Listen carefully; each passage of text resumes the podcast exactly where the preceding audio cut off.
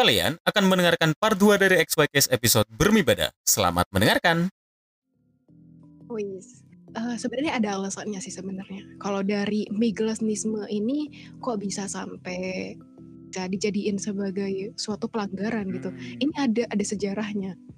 Mari kita ulik Waduh. sejarahnya dari Miglasnisme. Jadi Waduh. gini, sebenarnya bukan tanpa alasan Miglasnisme ini beralih ke gelas gitu loh. Jadi ceritanya kayak gini. Sebelum negara api menyerang, Nggak, jadi ceritanya kayak gini. Cer- Ada ada suatu histori yang menurut aku menarik gitu. Di dulu ini Miglasnisme ini eh, di mangkok biasa, makannya di mangkok. Di mangkok kayak atau di piring kayak mimi biasanya. Tapi kemudian ada yang namanya eh, aura, bukan aura ya, pergerakan untuk melakukan Waduh. Revolusi gitu. Untuk melakukan revolusi Waduh, ya adanya gerakan separatisme itu. Di situ muncul gerakan separatisme. Ya, muncul gerakan ingat tuh. Untuk kafeters yang belum tahu apa itu separat gerakan separatisme, ya kalau separatisme ini gak jauh-jauh sama yang namanya separatisme, ingin Iya. memisahkan diri kali ya, istilah lain, eh, istilah gampangnya. Nah ada gerakan yang namanya separatisme, sehingga yang awalnya, yang awalnya si mie-nya ini ada di mangkok, awalnya mungkin namanya dulu mie mangkoknisme kali ya, mie mangkok, dan kemudian melakukan gerakan separatisme, ini menyebabkan si mie ini akhirnya memutuskan untuk mediumnya ini ada di gelas. Jadilah mazhab atau bentuk mie ya, ya. Wadaw. Wadaw, ada banget. Iya. Nah, eh, ini dulu ya kita lebih kalem Lebih lagi kalem. nih, lebih kalem. Soalnya kan iya lebih kalem kan setelah ngomongin beribadah kan dari Hmm. berbagai aspek gitu kan. Yang tadi udah aduh ini ini istilah apaan gitu, ini istilah apaan? Ya nanti kita akan sedikit kasih panduannya kok. Nah, tentunya kita juga mengira-ngira nih potensi dari peningkatan pengikut dari beribadah ini. Nah, kalau dari aku sendiri dari pengikut beribadah ini pastinya akan meningkat terus gitu karena kan pemasarannya ini masif banget Hmm, bahkan hmm, sampai hmm, ke luar negeri gitu. Iya iya, kalau nggak salah eh, Gimana tuh, kayak pernah denger apa ya kayak cerita gitu sih kalau kultur ini tuh menyebar sampai ke luar Indonesia ya sampai pernah diklaim juga. Tapi itu nanti, tapi itu nanti. Nanti aku bakalan ngomongin itu nanti sih kayaknya sih. Ya. Iya, Eh, menarik. sebelum kita lanjut bakalan ada iklan dulu nih sekalian untuk kita semua narik nafas ya kan. Ya eh, biar lebih kalem aja gitu. Dan tenang aja karena kita bakalan balik lagi, XYCast bakalan balik lagi setelah pesan-pesan yang berikut ini. Ah, aku sudah menggunakan Discord sejak lama. Server Discord pun sudah banyak yang bermunculan. Tapi sampai sekarang aku masih tidak menemukan yang cocok. Nah, gimana ya? Kira-kira server apa yang cocok denganku ya? Bingung cari server yang berkualitas tapi tetap santai? Jangan khawatir, karena ada Cafe XYZ. Cafe XYZ adalah server untuk kamu-kamu yang ingin belajar berbagai macam hal. Tenang aja, di sini kalian juga bisa ngobrolin apa aja yang kalian mau, termasuk gibah tentunya. Cafe juga punya acara khas, yaitu ngopi alias ngobrol perkara ilmu, di mana kita akan diskusi mengenai satu hal secara santuy. Jadi tunggu apa lagi? Gabung sekarang ke server Discord Cafe XYZ menggunakan link tiny.cc slash cafe XYZ dan jadilah kafeters di Cafe XYZ. Mari ngopi ngobrol perkara ilmu di Cafe XYZ.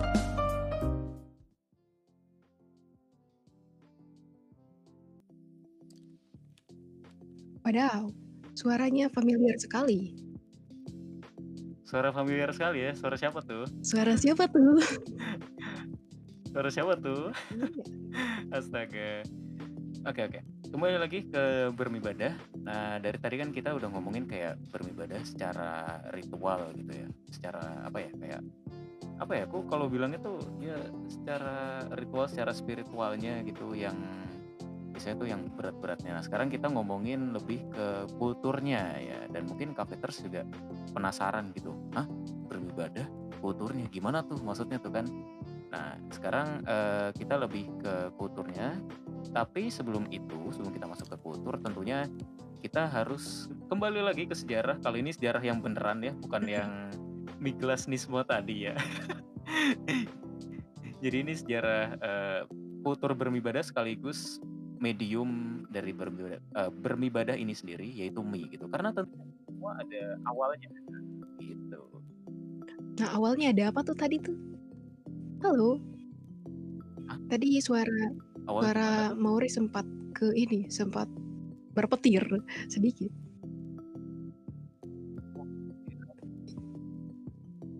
Nah, Iya, jadi eh, kan beribadah itu tentunya ya ada awalnya dong. Nggak tiba-tiba ujuk-ujuk langsung beribadah muncul gitu, meluas gitu. Enggak mhm. kan? Karena semuanya tentu akan ada sejarahnya. Wah, Jadi kalau kalian iya ada sejarahnya. Jadi kalau kalian nggak tahu mie itu sebenarnya tuh udah lama sih. Sebenarnya udah ada sekitar kayaknya tuh udah 2000 tahun yang lalu gitu ya. Waduh, lama juga ya. lama. Udah 2000 tahun yang lalu gitu. Cuman pada saat itu kultur beribadahnya tuh belum luas gitu. Kalau di Cina tuh masih eh, apa ya kayak tradisinya tuh atau kulturnya tuh masih nasiisme atau enggak bakpawi apa bakpawisme ya masih iya masih makanan pokoknya tuh masih kayak nasi atau eh, bakpao gitu gitulah nah cuma eh, cuman makin ke sini ke sini makin ya makin terkenal lah mie gitu. Cuman kan kalau di sini kan kalau pada saat itu kalau zaman dulu tuh mie-nya tuh kayak harus dibikin manual gitu. Mungkin kalau kalian pernah lihat di video-video pembuatan mie di YouTube gitu paling gampang misalnya kayak mie ayam gitu itu kan dibikin sendiri tuh kayak diulur sendiri kan capek gitu. Dan itu juga kayak menghambat dari penyebaran kultur beribadah itu sendiri. Nah tapi ada tapinya nih eh, kultur beribadah ini akhirnya kayak sukses gitu penyebarannya secara masif gara-gara satu orang Jepang namanya Momofuku Ando yang dia ini adalah pencipta mie instan. Oh. Nah, iya, jadi dia tuh nyiptain mie instan itu eh, pasca Perang Dunia Kedua. Jadi pada saat kan Jepang kalah Mhm. tuh dari Perang Dunia Kedua dan sekutu tuh eh, istilahnya tuh kayak Jepang tuh mengalami kayak kelaparan gitu. Sekutu tuh bilangnya, udah kamu makan roti aja gitu, produksi Amerika gitu. Nah terus Momofuku Ando tuh kayak merasa, loh kita ini kan seringnya makan mie bukan makan roti. Kenapa kita nggak makan mie aja gitu? Nah pada saat itu kayak pemerintah Jepang tuh bilang, oh ja- nggak bisa gitu karena pabrik-pabrik eh, mie di Jepang tuh nggak bisa memenuhi kayak supply and demand gitu. Akhirnya Momofuku Ando berpikir, hmm kayaknya bikin mie instan aja lebih bagus gitu ya dan akhirnya ya dia berhasil gitu menciptakan mie instan dan ya cukup luas ya meluas sampai di Indonesia bahkan ke mancanegara gitu ya kan Iya, tapi ini menarik banget sih kalau dari sejarah mie itu sendiri gitu. Jadi eh, yang awalnya emang udah ada dulu gitu, dulu-dulu banget gitu pas masa dinasti Han gitu di Cina dan kemudian pas eh, pasca PD2 gitu kan karena kekris krisis ekonomi gitu dari kekrisisan itu jadi kritis, krisis jadi kritis, kritis eh, iya asik Iya. krisis jadi Iya krisis kritis ya. jadi kritis gitu. Eh, kayak ada inovasi inovasi baru atau ada ya ide-ide baru untuk buat mie gitu. Ya karena kan lagi kri- lagi krisis gitu mau gak mau Mhm. emang ya harus ini juga harus ngisi perut juga. Dan rupanya nih iya di Momofuku Ando ini sampai saat ini kali ya kalau misalnya udah masih ada kali ya sekarang ya pastinya bangga banget gitu sama ciptaannya ini.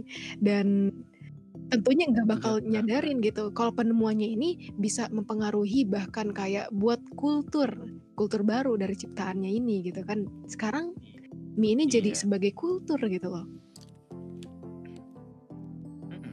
mungkin eh, almarhum Momofuku Ando juga kayaknya ngelihat sekarang tuh wah ciptaanku sampai di mana-mana gitu. Kayaknya dia nggak nyadar paling cuman sekedar kayak ah paling makanan instan gitu aja kan.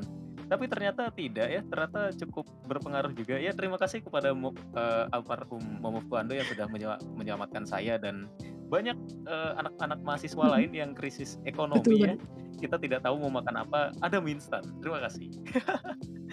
Terima kasih Momofuku Ando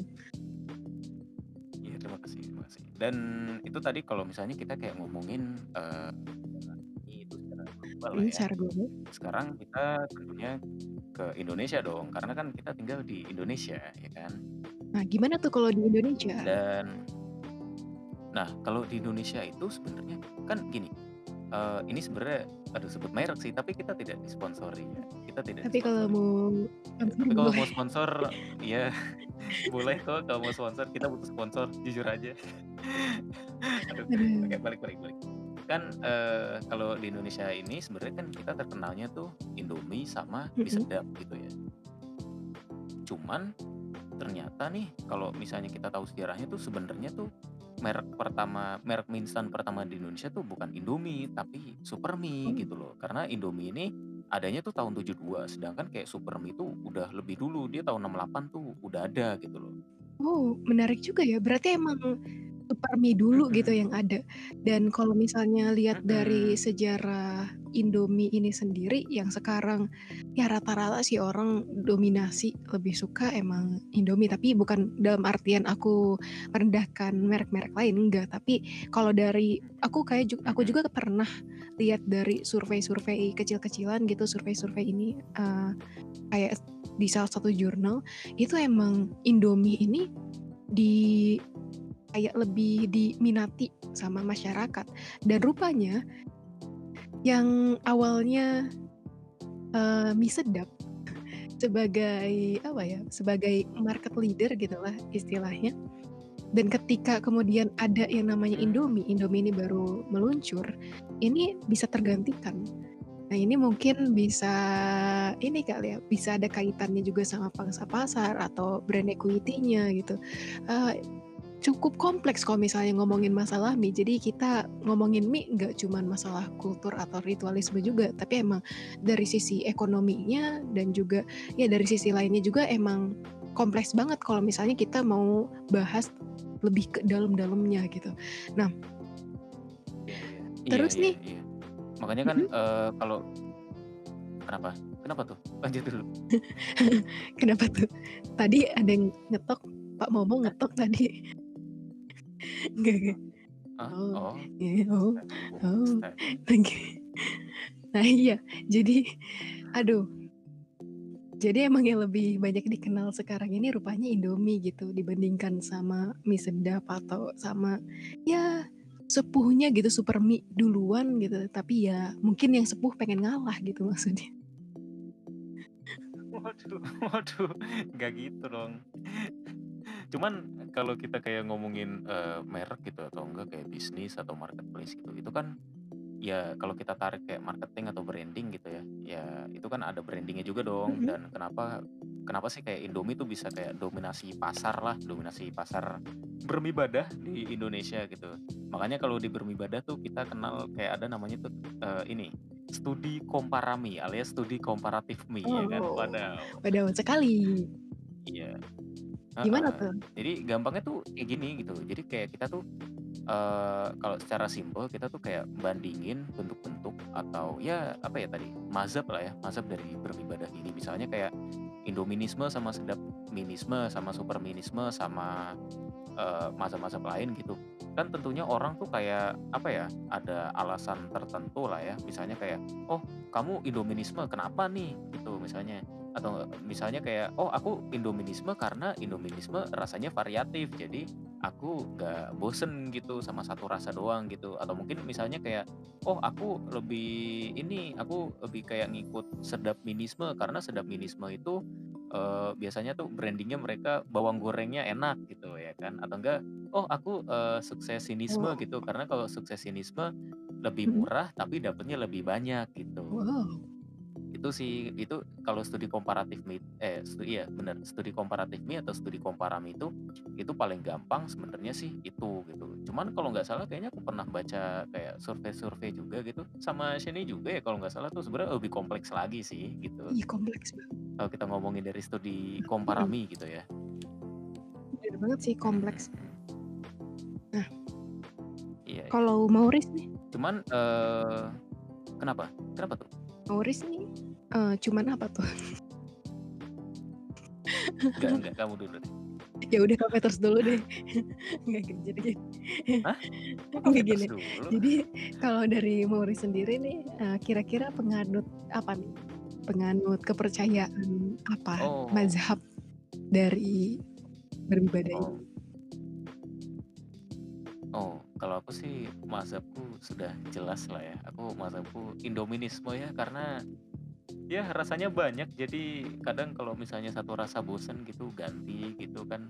Ya, kalau aku sih Indominisme sih. Padahal Kalau kamu sendiri apa tuh? Kalau Shani apa tuh sukanya? Nah, kalau aku juga sebenarnya lebih lebih tertarik ke Indominisme sih, nggak tahu ya aku juga. Eee, karena emang ya pas aja gitu, eee, rasanya di aku gitu. Nah, terus aku juga kayak pernah sempet-sempet nyari dan sempet nulis juga.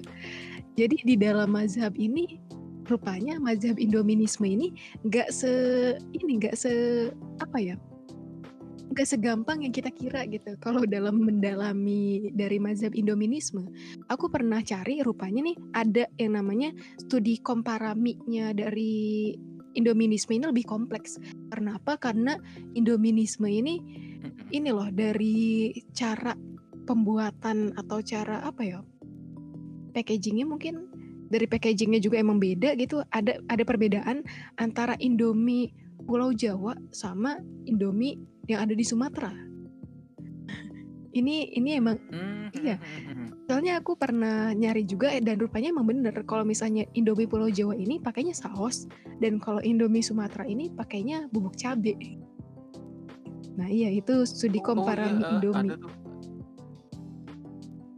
Iya iya, itu kalau misalnya kayak kita studi komparami itu satu mazhab yang sama gitu ya. Jadi kayaknya tuh aku pernah sih kayak nonton video dari apa ya salah satu youtuber Indonesia gitu dia kayak ngebandingin gitu Indomie dalam Jawa gitu Indomie is- istilahnya Indomie Pulau Jawa gitu sama Indomie luar Jawa gitu dan ternyata emang beda gitu pas dibuka apa bumbunya tuh kalau ya itu tadi kayak Shani bilang kalau misalnya kayak di Jawa tuh makanya saus gitu. Makanya kadang-kadang kan eh, mungkin secara rasa kayaknya lebih manis gitu ya.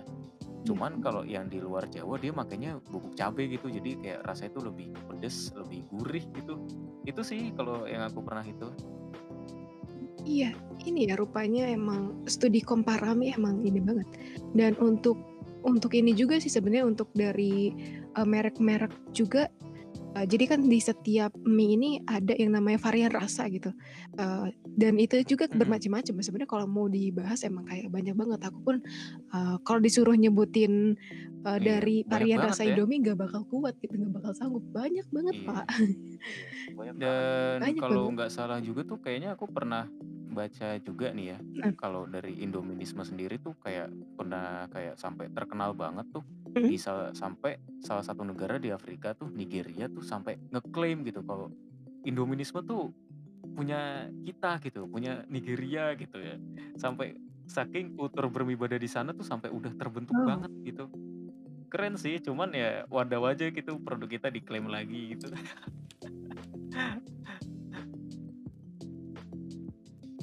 Ini juga ya. Jadi ya Indonesia Iya. emang tempatnya Iya, meng- sampai diklaim, diklaim ya, diklaim gitu. mengklaim, Mungkin diklaim. ya memang sih Hmm. eh, iklan apa ya kayak periklanan dari mie instan ini kan masif gitu ya. Kadang mungkin kalau kita lihat di TV nggak tahu sih Cafeters masih nonton TV apa enggak gitu. Aku masih lumayan sering sih. kalau apa? Udah kadang kan kalau kita lihat TV atau enggak iklan di YouTube gitu. Iya kalau misalnya kayak YouTube kalian gratis bukan YouTube premium gitu. Bukan YouTube premium ya. kalau Iya, kalau iklan YouTube itu mau video, ya ternyata iklannya iklan ini apa Indomie ayam geprek gitu. ternyata ada iklannya dulu. Ya itu itu sebagai sebagai bentuk dari Benar, dakwah benar, beribadah juga sebenarnya. Tapi dakwah beribadahnya ini eh, oleh ya ini udah udah masuk ke apa ya? Kalau ulami mungkin, tapi ulaminya ini kayak udah tingkatan tinggi Eh, kali ini ya. ya, sebagai bentuk dari iya, dakwah apa penyebaran tuh? dakwah beribadah tapi digital gitu, digitalisasi beribadah. Waduh, Iya. waduh, waduh, waduh. waduh. Aduh. Waduh. Gimana tuh? Ya iya kan menggunakan ini kan menggunakan ke digital kan lewat Mm-mm. iklan Iya. gitu kan. Kompleks banget. Heeh. ya itu eh, terus juga mm, emang dan aku mau nanya dulu sih tapi ke Shani gitu Eh, walaupun Shani kan Shani sekarang nggak ngekos ya Enggak dong, kan udah ini, udah libur satu tahun akhirnya. Ya, semenjak SD kan minta minta doa gitu. Semoga libur satu tahun gitu kan. Pas udah dikasih libur, Kenapa libur setahun?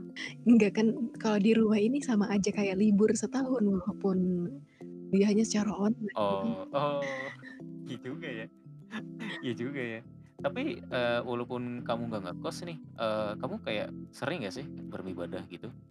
Ah sering, sering banget sih. Karena emang dari Sering ya? sering banget soalnya kayak misalnya eh, ya aku nggak pernah nolak kalau misalnya ditawarin mie itu nggak pernah banget, nggak pernah nolak banget. Karena emang mie ini punya rasa eh, apa ya? Emang rasanya kan buat ada susah banget sih. Itu kan susah untuk mengungkapkan suatu kata-kata untuk mendeskripsikan Yang rasa pas mie gitu gitu. ya. Iya. Soalnya emang Iya, tujuan dari beribadah buat itu kan untuk mendapatkan kenikmatan transendental gitu loh. Mantap banget sih. mantap banget sih. Ya, iya. Kadang-kadang, kadang-kadang gini aja sih. Kita tuh apa ya? eh, mungkin kayak ah duitku kayaknya cukup nih untuk makan burger gitu atau enggak beli pizza gitu ya. Tapi ah enggak deh, kayaknya mie aja lebih enak gitu. Padahal duit tuh cukup buat beli makanan yang mungkin sebenarnya lebih mahal atau lebih enak, tapi akhirnya kita kembali lagi ke beribadah gitu ya. Mm. Dan Mm-mm. biasanya nih aku kalau Dan dan apa? Ya dan kita tidak menyesalinya gitu.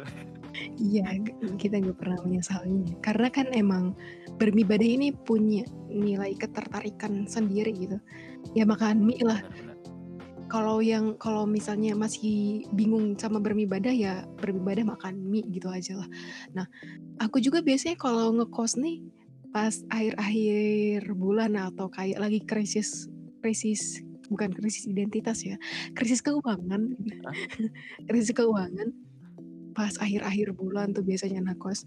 Itu aku selalu stok mie itu selalu dan juga sereal.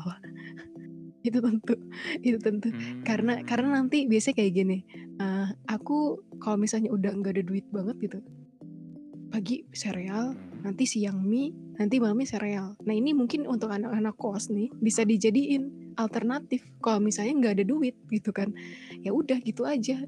Waduh, walaupun makan mie tapi tetap sehat gitu loh. Walaupun makan mie tapi tetap sehat ya. Oh iya karena ada serealnya ya. iya. Nah kalau kalau Mauris gimana nih? Apakah Mauris eh, suka Ya. beribadah gitu kan? Jadi ceritanya kayak gini. Sebelum Hmm, negara api Suka nggak suka harus dilakukan sih. enggak lah, enggak lah. Jadi tentu ya kalau ngomongin ada ada suatu kalau suka beribadah ya suka gitu. Apalagi Jadi dulu eh, ini terlepas dari kayak ini aku freelance dan apa ya krisis di ekonomi mangkok terus biasa, gitu ya. Jadi beribadah adalah alternatif yang tidak akan tergantikan gitu loh. Padahal. biasanya. Tapi kemudian Iya, ada yang namanya iya paling aura kalau aura kayaknya ya, sih kalau dari kita berdua itu pergerakan paling ya untuk melakukan beribadah. Mungkin kalau Kak Petrus punya ceritanya sendiri dalam beribadah, bisa aja nih paling kita bahas bareng-bareng pada saat di situ muncul tuh pada saat signature event kita Oke, ya di ngopi alias ngobrol perkara Untuk ilmu yang belum tapi tahu edisi apa itu separat ya. gerakan separatisme Karena ya, kita juga biasanya ada lanjutannya. namanya Ketika sekarang sekarang XYCast diri nanti ya. bakal ada kayak lebih ke interaktifnya. Ini lebih ada gerakan yang sudut namanya pandang dari kafeter secara langsung. sehingga yang awalnya acaranya tadi itu ngopi, yang awalnya ngopi, ya. ngopi, ini ada di mangkok, ngobrol perkara ilmu di mangkoknisme dan kali ya. eksklusif. Di dan hanya dan di kafe kemudian bener. melakukan gerakan bener separatisme. Banget. eksklusif cuma ada di ini cafe XYZ jadi kalian menyebabkan tidak si akan Mi mendengarkan ini ini akhirnya di mana pun memutuskan ya untuk di mediumnya Discord ini Cafe ada di gelas.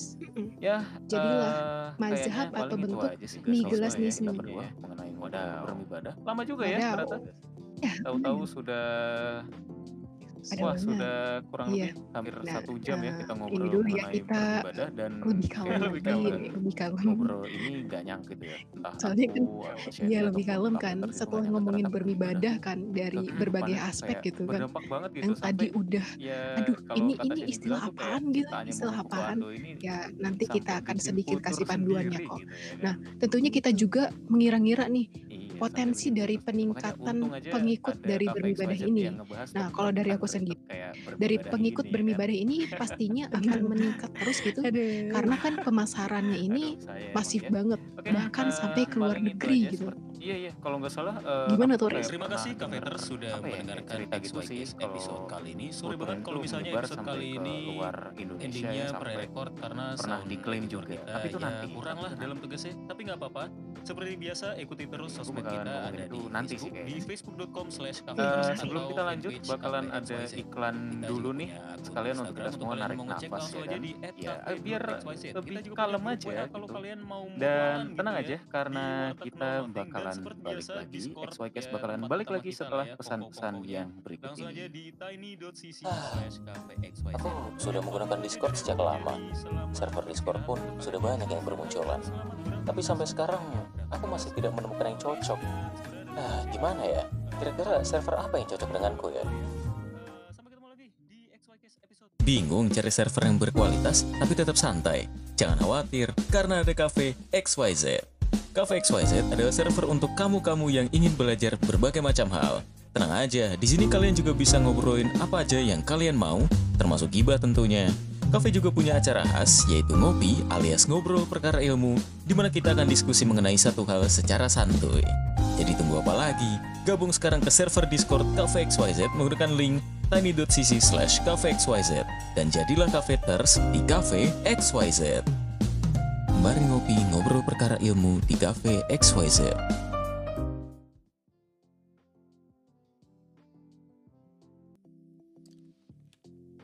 Wadaw, suaranya familiar sekali. suara familiar sekali ya suara siapa tuh Suara siapa tuh? suara siapa tuh astaga oke oke kembali lagi ke bermibadah nah dari tadi kan kita udah ngomongin kayak bermibadah secara ritual gitu ya. Secara apa ya kayak apa ya aku kalau bilangnya tuh ya secara ritual secara spiritualnya gitu yang biasanya tuh yang berat-beratnya. Nah sekarang kita ngomongin lebih ke kulturnya ya. Dan mungkin cafeters juga penasaran gitu, ah beribadah kulturnya gimana tuh maksudnya tuh kan? Nah sekarang eh, kita lebih ke kulturnya, tapi sebelum itu sebelum kita masuk ke kultur tentunya kita harus kembali lagi ke sejarah. Kali ini sejarah yang beneran ya, bukan yang Miklas Nismo tadi ya. Jadi ini sejarah eh, kultur bermibadah sekaligus medium dari bermibadah, eh, bermibadah ini sendiri yaitu mie gitu. Karena tentu semua ada awalnya gitu. Nah awalnya ada apa tuh tadi tuh? Halo. Hah? Tadi suara Awal suara gimana tuh? Mauri sempat ke ini, sempat berpetir sedikit.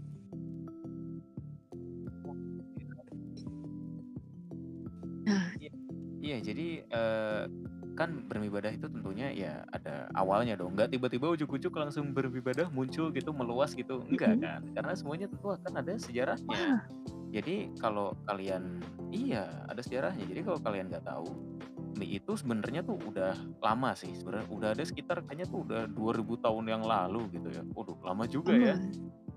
Udah 2000 tahun yang lalu gitu. Cuman pada saat itu kultur beribadahnya tuh belum luas gitu. Kalau di Cina tuh masih eh, apa ya kayak tradisinya tuh atau kulturnya tuh masih nasiisme atau enggak bakpawi apa bakpawisme ya masih iya masih makanan pokoknya tuh masih kayak nasi atau eh, bakpao gitu gitulah nah cuma eh, cuman makin ke sini ke sini makin ya makin terkenal lah mie gitu. Cuman kan kalau di sini kan kalau pada saat itu kalau zaman dulu tuh mie-nya tuh kayak harus dibikin manual gitu. Mungkin kalau kalian pernah lihat di video-video pembuatan mie di YouTube gitu paling gampang misalnya kayak mie ayam gitu itu kan dibikin sendiri tuh kayak diulur sendiri kan capek gitu.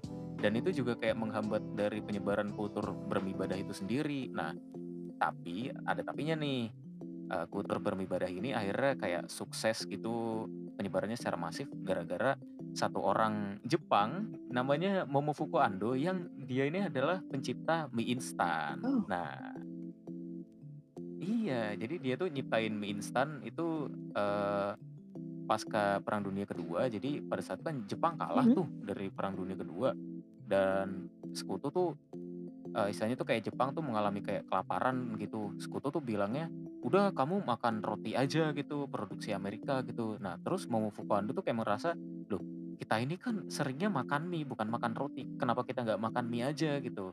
Nah pada saat itu kayak pemerintah Jepang tuh bilang oh ja nggak bisa gitu. Karena pabrik-pabrik uh, mie di Jepang tuh nggak bisa memenuhi kayak supply and demand gitu. Akhirnya Momofuku Ando berpikir hmm kayaknya bikin mie instan aja lebih bagus gitu ya.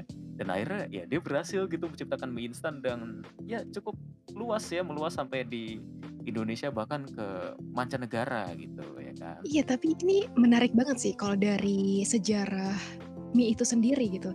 Jadi uh, yang awalnya emang udah ada dulu gitu, dulu-dulu banget gitu pas masa dinastihan gitu di Cina dan kemudian pas uh, pasca PD2 gitu kan karena kekris krisis ekonomi gitu dari kekrisisan itu jadi kritis krisis jadi kritis kritis uh, ya Asik. ya krisis jadi ya, krisis jadi kritis gitu. Uh, kayak ada inovasi inovasi baru atau ada ya ide-ide baru untuk buat mie gitu. Ya karena kan lagi kri lagi krisis gitu mau gak mau mm -hmm. emang ya harus ini juga harus ngisi perut juga. Dan rupanya nih iya, di Momofuku Ando ini sampai saat ini kali ya kalau misalnya udah masih ada kali ya sekarang ya pastinya bangga banget gitu sama ciptaannya ini.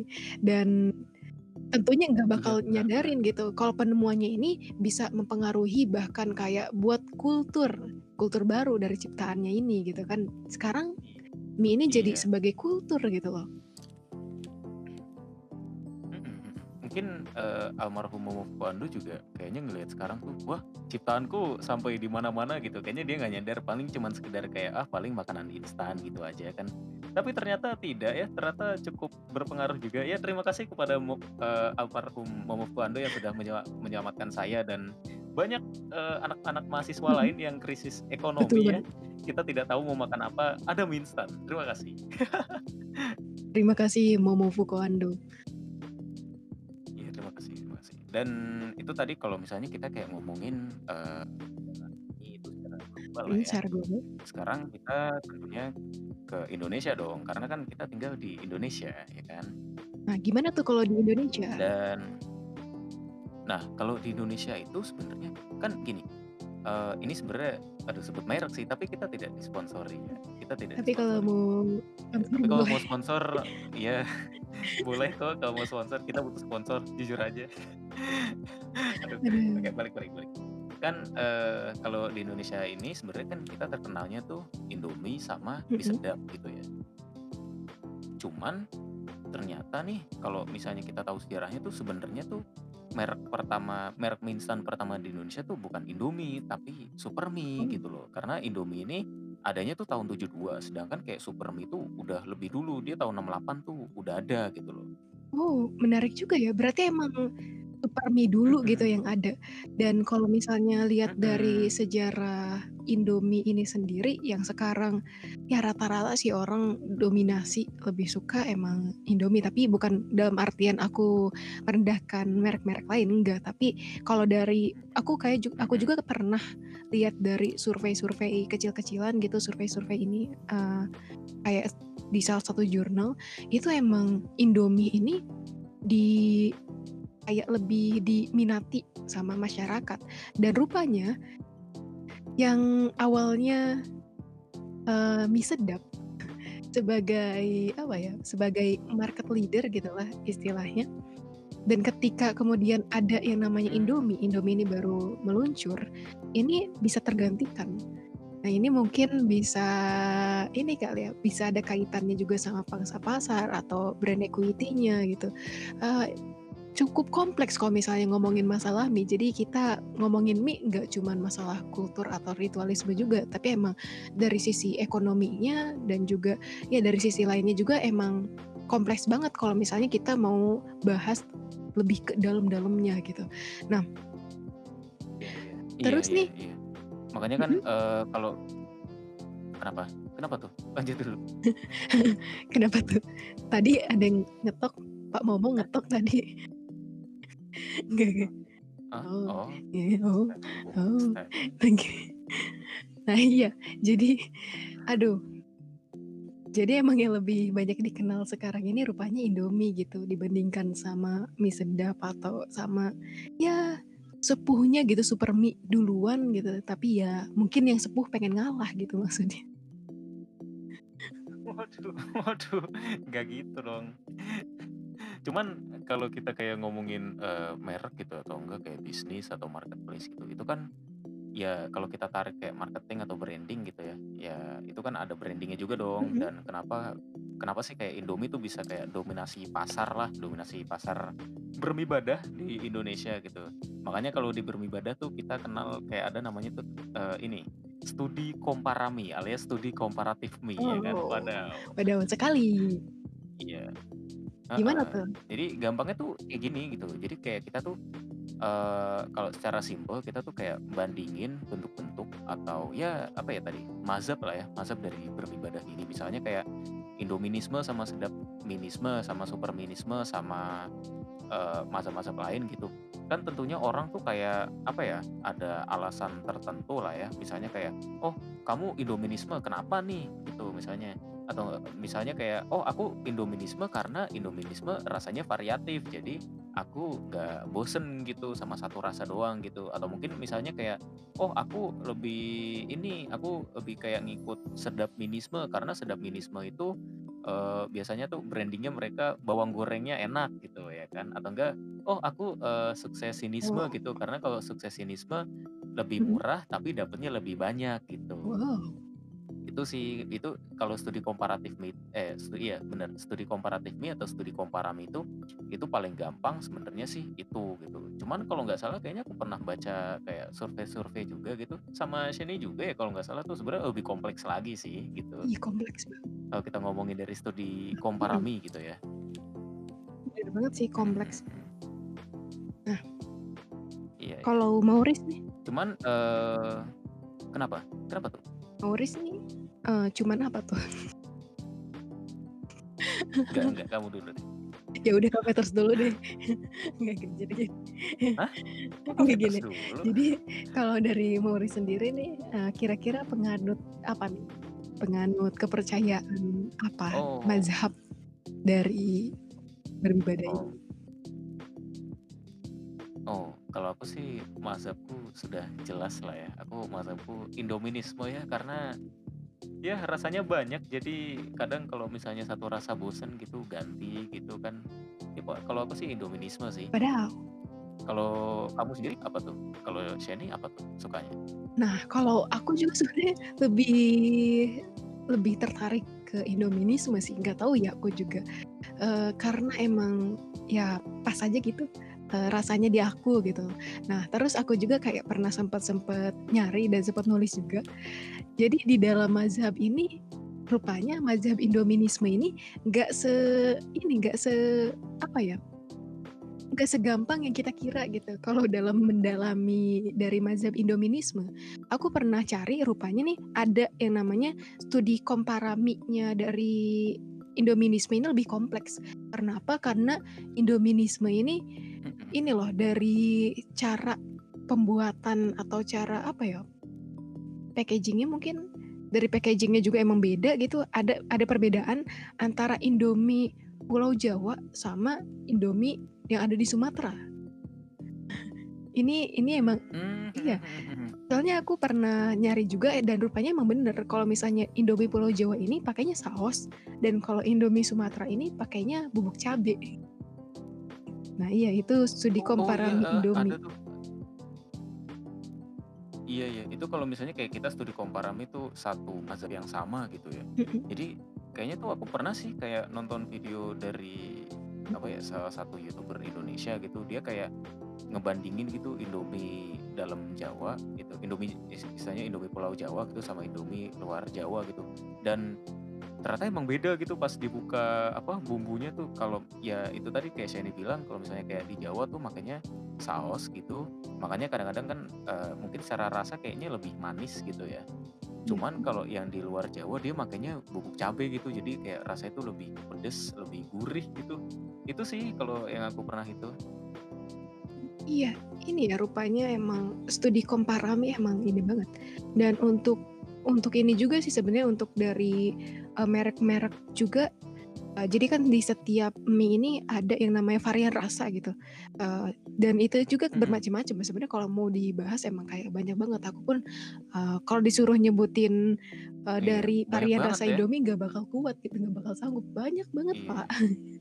banyak Dan Banyak kalau nggak salah juga tuh kayaknya aku pernah baca juga nih ya, Nah. kalau dari Indominisme sendiri tuh kayak pernah kayak sampai terkenal banget tuh Mhm. di sa- sampai salah satu negara di Afrika tuh Nigeria tuh sampai ngeklaim gitu kalau Indominisme tuh punya kita gitu, punya Nigeria gitu ya.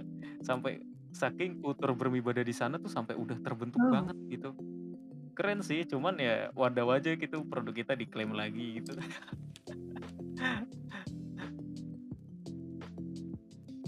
Ini juga ya. Jadi ya Indonesia Iya. emang tempatnya Iya, sampai diklaim, diklaim ya, diklaim gitu. mengklaim, Mungkin diklaim. ya memang sih Hmm. eh, iklan apa ya kayak periklanan dari mie instan ini kan masif gitu ya. Kadang mungkin kalau kita lihat di TV nggak tahu sih Cafeters masih nonton TV apa enggak gitu. Aku masih lumayan sering sih. kalau apa? Aku udah Kadang kan kalau kita lihat TV atau enggak iklan di YouTube gitu. Iya kalau misalnya kayak YouTube kalian gratis bukan YouTube premium gitu. Bukan YouTube premium ya. kalau iya kalau iklan. YouTube itu mau video ya ternyata iklannya iklan ini apa Indomie ayam geprek gitu. ternyata ada iklannya dulu.